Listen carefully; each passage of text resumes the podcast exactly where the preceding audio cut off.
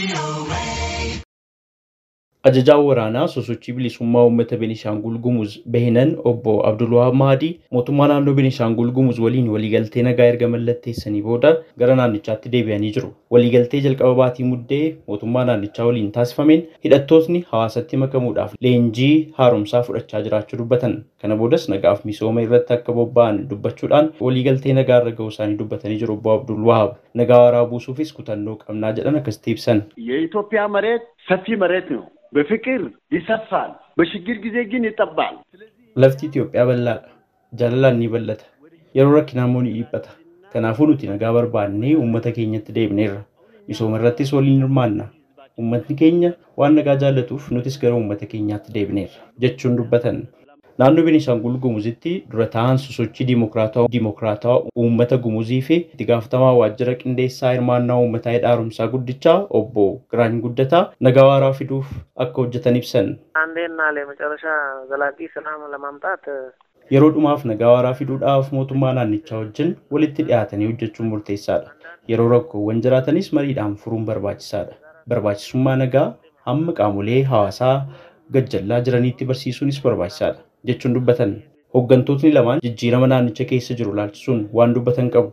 አሁን እኛ መሬት ላይ የወረደ ነው በክልላችን Waan nuti gaafanne deebii argataa jira. Naannoo keenyatti amma nagaan bu'aa jira.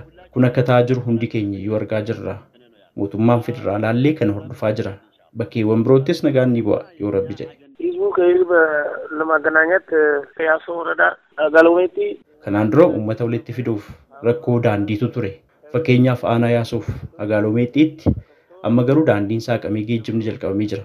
Daandiin kaamaashiif seedaan wal qunnamsiisus humna dargaggootaatiin hojjetamaa ture.